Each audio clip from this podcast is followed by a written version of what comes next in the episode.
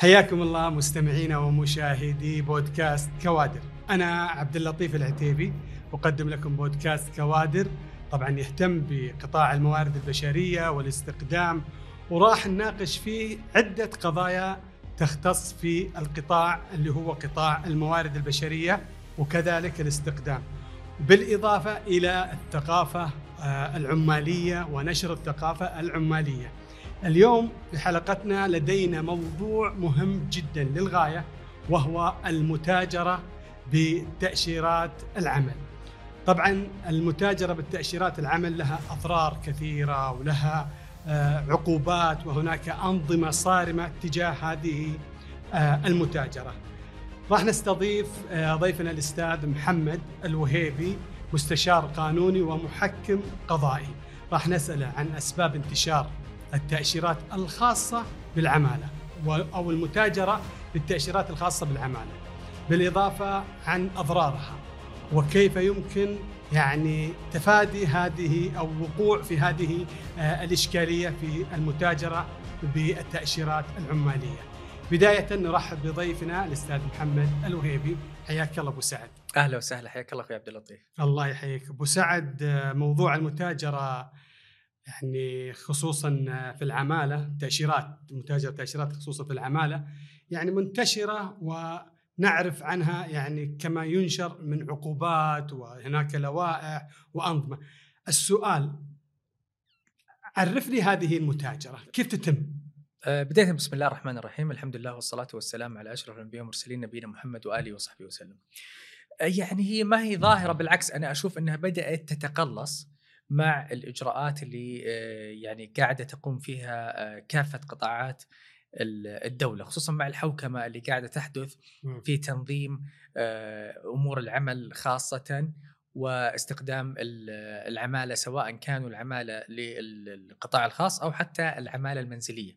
لأنه تكثر المتاجرة بالتأشيرات في تأشيرات العمالة المنزلية. البعض يعتقد أنه موضوع المتاجره بالتأشيرات أمر بسيط جدا وانه لا يتجاوز أن يكون آه، مخالفة لا ترتقي إلى أن تكون جريمة. ولكن يعني آه، قبل ما أتحدث وأقول أنه آه، ما هي الأضرار وما هي العقوبات وما هي يعني نتائج هذا الفعل ودي بس يعني أنه يكون عندنا مبدأ أساسي وهذا المبدأ أنا بدأت ألاحظه كقانوني خاصة في في السنوات الأخيرة من المجتمع السعودي خاصة وهو خاص بالوعي آه، بالاضرار التي تعود بشكل سلبي على المجتمع وحتى على جودة الحياة بشكل كامل. من أخطر الأمور اللي موجودة على أرض الواقع الآن هي المتاجرة بالتأشيرات، لأنه المتاجرة بالتأشيرات لو سألتني ما هي العقوبات اللي عليها آه، بعدد لك خمس أو ست عقوبات. لأنه ينتج عنها خمس أو ست جرائم وليست مخالفات. البعض يعتقد إني خلاص أنا جبت تاشيره فرحت أعطيتها للعامل بعتها عليه فجاء المملكة العربية السعودية فقام بمباشرة العمل لحسابه الخاص هنا إحنا دخلنا في جريمة تستر تجاري. أه. بعدها نتج عن هذا العامل ارتكاب جريمة مثلا آه، أو أعطيك حالة يعني تقرب هذا المثال بشكل بسيط جدا. هناك شخص تم عرض عليه مبلغ خمسة ألاف ريال شهريا من أحد العمالة مقابل أنك تجيب لي تأشيرة وتستخدمني إلى المملكة العربية السعودية وأنا شهريا بعطيك خمسة ألاف الرجل كان دخله يعني بسيط على قد حاله فقبل بالنسبة له الخمسة ألاف آه، ثروة تم استخراج التأشيرة وإحضار الشخص هذا تفاجأ بعد يعني عدة أشهر أنه تم القبض عليه على مين؟ على المواطن, على المواطن. اللي هو قام باستخراج التأشيرة وتسليمها للعامل والعامل ما تم القبض عليه. العامل كان مقبوض عليه. آه قبل. إي فقال وش السالفة؟ يعني وش اللي أنا سويته؟ وش الإجراء اللي حصل؟ وش اللي كذا؟ تم اكتشاف بأن هذا العامل يقوم بالعمل لأحد مصالح المنظمات الإرهابية. أوه. تخيل. هو طبعا وهذاك يجهل ولكن يجهل. الجهل لا يعفي. لأنه استخدام العامل على الكفالة وش المقصود فيه؟ هل هو المقصود إنه بس يقعد تحت رحمتي؟ لا طبعا هذا مفهوم خاطئ. ولا يقبل في أنظمة المملكة العربية السعودية. يعني أصحاب العمل اللي يقوموا باستغلال العمالة وبالضغط عليهم وبتهديدهم ببلاغ الهروب وإلى آخره ترى هذا كله عمل غير مشروع. الأصل هو المسؤولية. هو أني أنا متحمل مسؤولية هذا الشخص طول ما هو موجود ومقيم داخل المملكة العربية السعودية. مم. فبالتالي مو بأني أنا فقط قمت بتسليمه التأشيرة فأجي أقول لا والله هو سوى الفعل هذا أنا ما لي علاقة فيه. لا انت لك علاقة وانت ملزم بإنك تتأكد من إنه هذا الشخص يقوم بممارسة العمل الذي دخل المملكة العربية السعودية من أجله. طيب أنا الآن لما نتحدث عن المتاجرة بالتأشيرات العمالية وش أثرها أبو سعد على العمالة النظامية؟ ممتاز. طبعا قبل ما يكون لها أثر على العمالة النظامية لها أثر أكبر على السعودة. يعني إحنا أو على البطالة خلينا نكون أدق. ارتفاع نسب البطالة وانخفاض نسب البطالة مرتبط بماذا؟ بتوفر الوظائف وعدم الفرص. توفر آه، فرص الوظيفية. نعم فلما أنا أستخدم شخص ويكون الت- التأشيرة اللي هو قادم بها هي تأشيرة مثلا سائق منزلي تمام ويحضر المملكة العربية السعودية ويقوم بالعمل في نشاط آخر سيؤثر على نسبة السعودة سيؤثر على ال- التوطين سيؤثر حتى على توفير الفرص الوظيفية لأبناء وبنات الوطن. البعض يعني لما يشوفنا نتكلم بهذه الآلية فيجي يقول لك يا أخي أنتم عنصريين. أنتم تتحدثون إنه اي المواطن السعودي أولى والمواطن السعودي كذا وكذا وكذا. طبيعي لأنه هو ابن البلد. لا يعني ذلك إنه ما في رغبة مثلا في الشخص غير السعودي إنه يدخل المملكة العربية السعودية. بالعكس مرحب بأصحاب الخبرات وبمن يلتزم بأنظمة وقوانين المملكة العربية السعودية. جميل. طيب الآن لما يعني وضحنا إيش المشكلة آه المتاجرة في التأشيرة كيف ممكن التغلب عليها؟ كيف للمجتمع أن يتغلب على هذه الإشكالية؟ آه، طبعا إذا إحنا عندنا عندنا شقين عندنا شق اللي هو خاص بالوعي والشق الآخر اللي هو خاص بالتنظيم والتشريع والحوكمة. الوعي إن شاء الله إنه إحنا قاعدين نشوف إنه في ازدياد في نسبة ال ال الوعي يعني يمكن إحنا شايفين حتى ال ال ال القطاعات ذات العلاقة آه، يعني آه، قاعدة تبذل جهدها في موضوع التوعية القانونية والتوعية الحقوقية وتوضيح هذه المخاطر. على سبيل المثال لما إحنا نتكلم في موضوع التأشيرات العمالة المنزلية وهروب العمالة المنزلية. آه تغيبها عن العمل. بالض- مو بتغيب هو هروب. مم. في فرق بين التغيب وبين الهروب. هي مم. تقوم بالهروب من المنزل أو العامل يقوم بالهروب من المنزل اللي هو تحت كفالة آه رب الأسرة رب الأسرة أو ربة الأسرة مم. يعني هي لها الحقيه وهو لها الحقيه طبعا بالاستقدام العماله هذه لما تهرب وين تروح؟ يعني إحنا قاعدين نشتكي ونشوف مواقع التواصل الاجتماعي يا أخي شغالاتنا هربوا وشغالاتنا ما أدري وشلون ما في نظام ما في كذا و إلى آخره. الإشكالية ليس في التنظيم، التنظيم موجود والجهات الرقابية موجودة، الإشكالية عندنا في من؟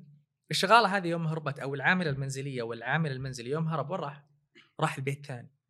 لو لم يجد فرصة بديلة أو لو ما في أحد فتح له باب البيت وقال له تعال وأعطيك دبل وثلاث أضعاف وأربعة أضعاف هذا الراتب لما وجدنا هذه الظاهرة في ازدياد، فالإشكالية في الأساس تقع على عاتق من؟ على عاتق المجتمع.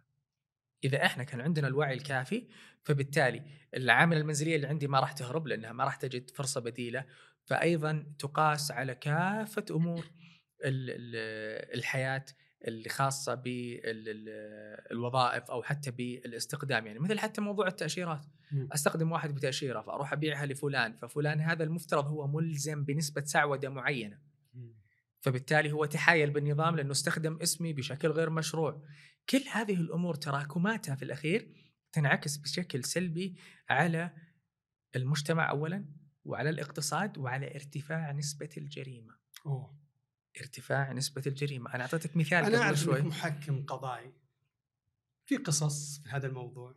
يعني أعطينا الحالة اللي قبل شوي. يعني مين كان يتخيل إنه مقابل 5000 أنا أجيب لي شخص ضعيف إيه. وعلى قد حاله في الأخير يطلع إنه تابع لاحد المنظمات الإرهابية.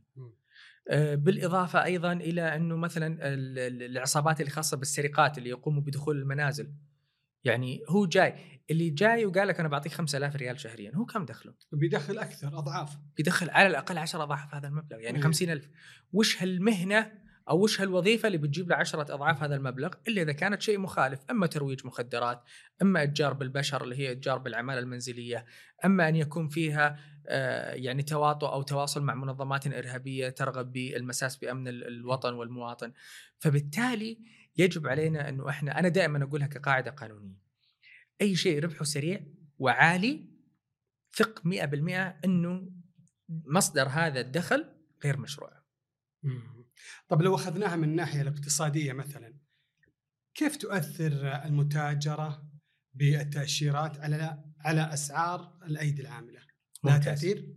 طبعا تاثر على أسعار الأيدي العاملة وأيضا تحمل الدولة تكاليفا إضافية لسبب لأنه أنت الآن العامل هذا إذا قمت بإحضاره بتأشيرة وقمت بتفريغه للعمل لأي نشاط آخر غير العمل اللي هو حاضر من أجله.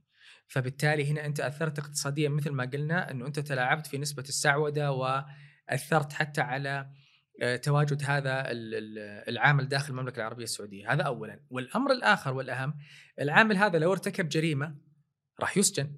فبالتالي راح تتكفل الدولة بتكاليف إضافية خاصة باقامته داخل السجون بتوفير ال- ال- ال- الطعام والأكل والشرب تكلفة السجين لو لو حسبناها على عدد العمالة المخالفة ستجد أنها عشرات الملايين في السنة طب هذه المبالغ لو تم توفيرها على الدولة واستخدامها واستغلالها مثلا في ال- المباني الدراسية في الصحة في. الرفع حتى من كفاءة الطرق من آه، تطوير من دعم حتى منشآت القطاع الخاص في التمويل وغيرها أكيد أنها بتكون فائدتها أكبر بشكل كبير جدا يعني.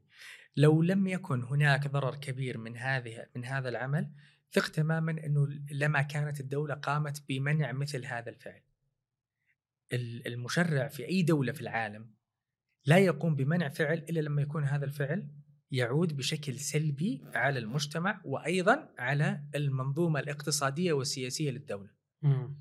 فبالتالي لم يتم المنع والله ارتجاليا. آه. بالعكس والدليل الآن لما أصبح لدينا حوكمة ولما أصبح لدينا تنظيم، الآن شفنا المنصة اللي, اللي تم إطلاقها مؤخرا من وزارة الخارجية اللي هي المنصه الخاصة بالتأشيرات الس- السياحية والزيارة وإلى إيه. آخره، وجدنا إنه بالعكس سهلت ونظمت يعني إلى عهد قريب كان ال ال ال الوافد في المملكة العربية السعودية عشان يستقدم أسرته كزيارة ممكن يروح يدفع لشخص آه، يعني معقب 15000 و 20000 آه. بس علشان يجيبهم زيارة فكانت تجارة مم. الآن بضغطة زر ما تتجاوز 300 ريال الرسوم على ما أعتقد ويجيب عيال بشكل نظامي. نظامي وبشكل بشغل مرتب وما في أي إشكالية فبالتالي الحوكمة والتنظيم تنعكس بشكل إيجابي على المجتمع وعلى الاقتصاد والأهم من ذلك حتى على الوافد.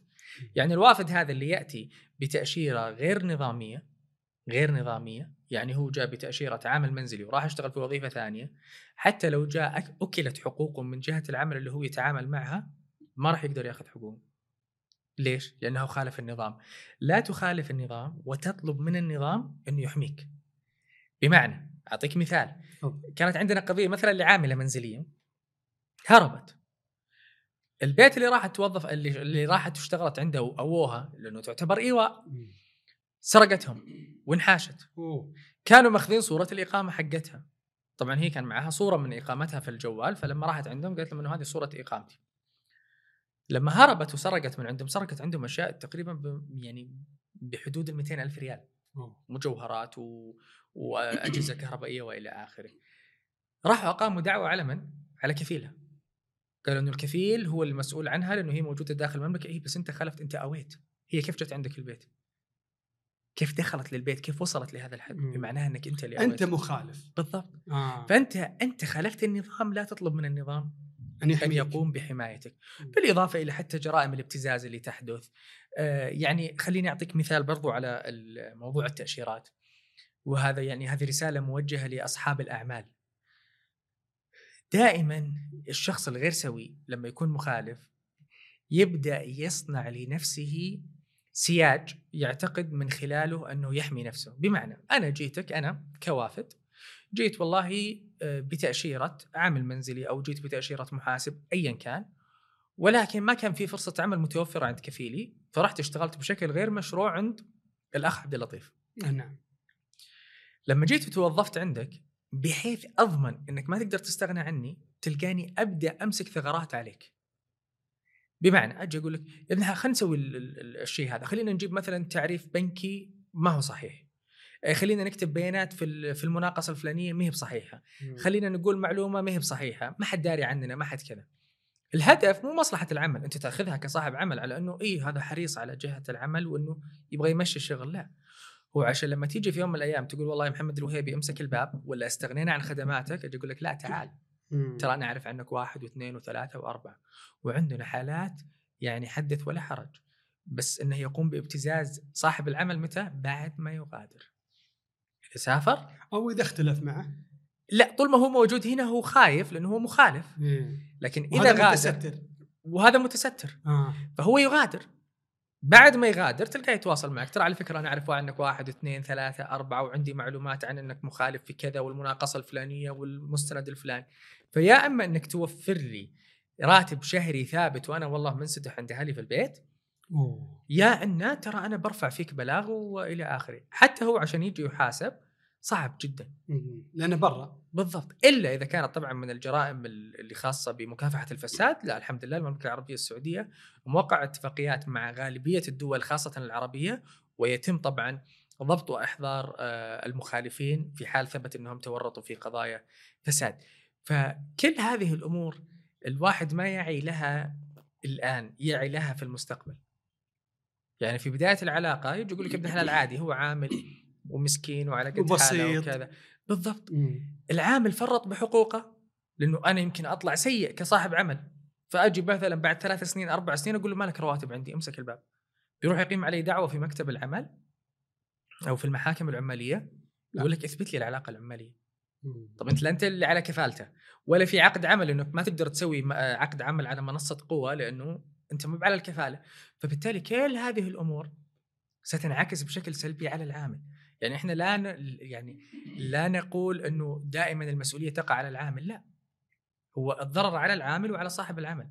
إن كان هذا سيء فهذا فرط في حقوقه ومستحيل إنه يجي ياخذها. والعكس بالعكس. جميل. طيب في خضم هذه الأمور اللي جالسة تحصل بين ال... بين الأفراد والعمال هل في آليات تدرس حاليا تنظيمية تحد من هذه المشكلة أو تخفف منها على الأقل؟ آه، طبعا إحنا الحمد لله يعني آه، في ظل قيادة سيدي خادم الحرمين الشريفين الملك سلمان وسيدي وقدوتنا الأمير محمد بن سلمان قاعدين نشوف تطوير يوميا خاصة في فيما يخص التنظيمات والتشريعات وتطوير المنظومة القضائية والعدلية في المملكة العربية السعودية.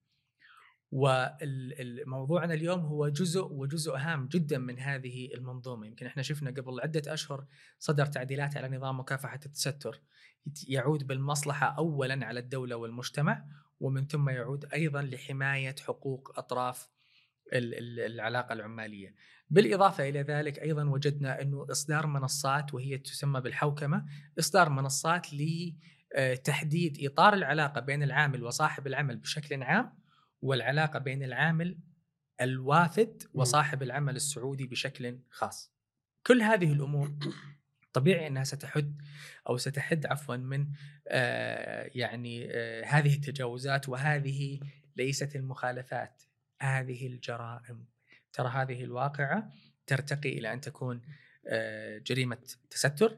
جريمة التستر يعني مثل ما هم عارفين ال- الإخوان والأخوات المستمعين والمشاهدين تصل فيها العقوبة إلى خمس سنوات سجن وغرامة إلى خمسة مليون ريال وقد ترتقي إلى أن تكون جريمة إتجار بالبشر. أوه. نعم. طيب أنا كيف أتعرف على السوق الخاصة بالتأشيرات؟ ما فهمت السؤال. كيف ممكن أتعرف على السوق اللي هي اللي هي آه، خاصة بالتأشيرات؟ سوق التأشيرات اللي يتاجرون فيها طبعا شوف هو في الغالب إنه سوق التأشيرات يكون فيه وسيط بين آه يعني بين ثلاث أطراف نعم يكون آه، هو والطرفين. صاحب صاحب التأشيرة اللي هو المواطن والوسيط اللي هو يقوم بالبحث عن المحتاج لهذه التأشيرة والشخص المستفيد من هذه التأشيرة. الوسيط في الغالب إما إنه يكون آه، يعني غير سعودي أو يكون مقيم خارج المملكة العربية السعودية في الدولة التي يصدر منها التأشيرات أو اللي يصدر لصالحها عفوا التأشيرات. العلاقة هنا تبدأ تبنى وهم من يقوموا بتحديد سوق أو قيمة التأشيرة. يعني نجد مثلا ال- ال- الجنسيات العربية تختلف عن جنسيات شرق آسيا تختلف عن الجنسيات ال ال ال ال الأوروبية فكل هذه آه، لها قيمتها ولها سوق سوداء يتم التعامل من خلالها إحنا شفنا قبل آه، يعني عدة أسابيع البيان اللي صادر من هيئة الرقابة ومكافحة الفساد. بالقبض وإحالة عدد من آه، مسؤولي أحد السفارات للمملكة العربية السعودية لقيامهم بالمتاجرة بالتأشيرات. آه، هذه أحد الأسواق السوداء اللي كانت موجودة وأحد المنابع التي تم بترها من أحد يعني أكبر الدول التي تقوم بتصدير الأعمال للمملكة العربية السعودية. فبالتالي ال ال يعني إغلاق هذا السوق أنا أعتقد أنه لن يتجاوز سنتين إلى ثلاث سنوات وسيختفي سوق التأشيرات من آه، يعني من على آه، آه، يعني ظاهر ال- ال- ال- العلاقات العماليه بين العامل وبين صاحب العمل. طيب أبو سعد كيف تشوف نسبة الوعي؟ يعني كنا نعرف في السابق يجيب له مجموعة عمال ويوزعهم ويروحون يشتغلون في آخر الشهر يعطونهم فلوس. الآن تغير الوضع في في في طرق مختلفة لكن المجتمع ككل كيف ترى نسبة الوعي؟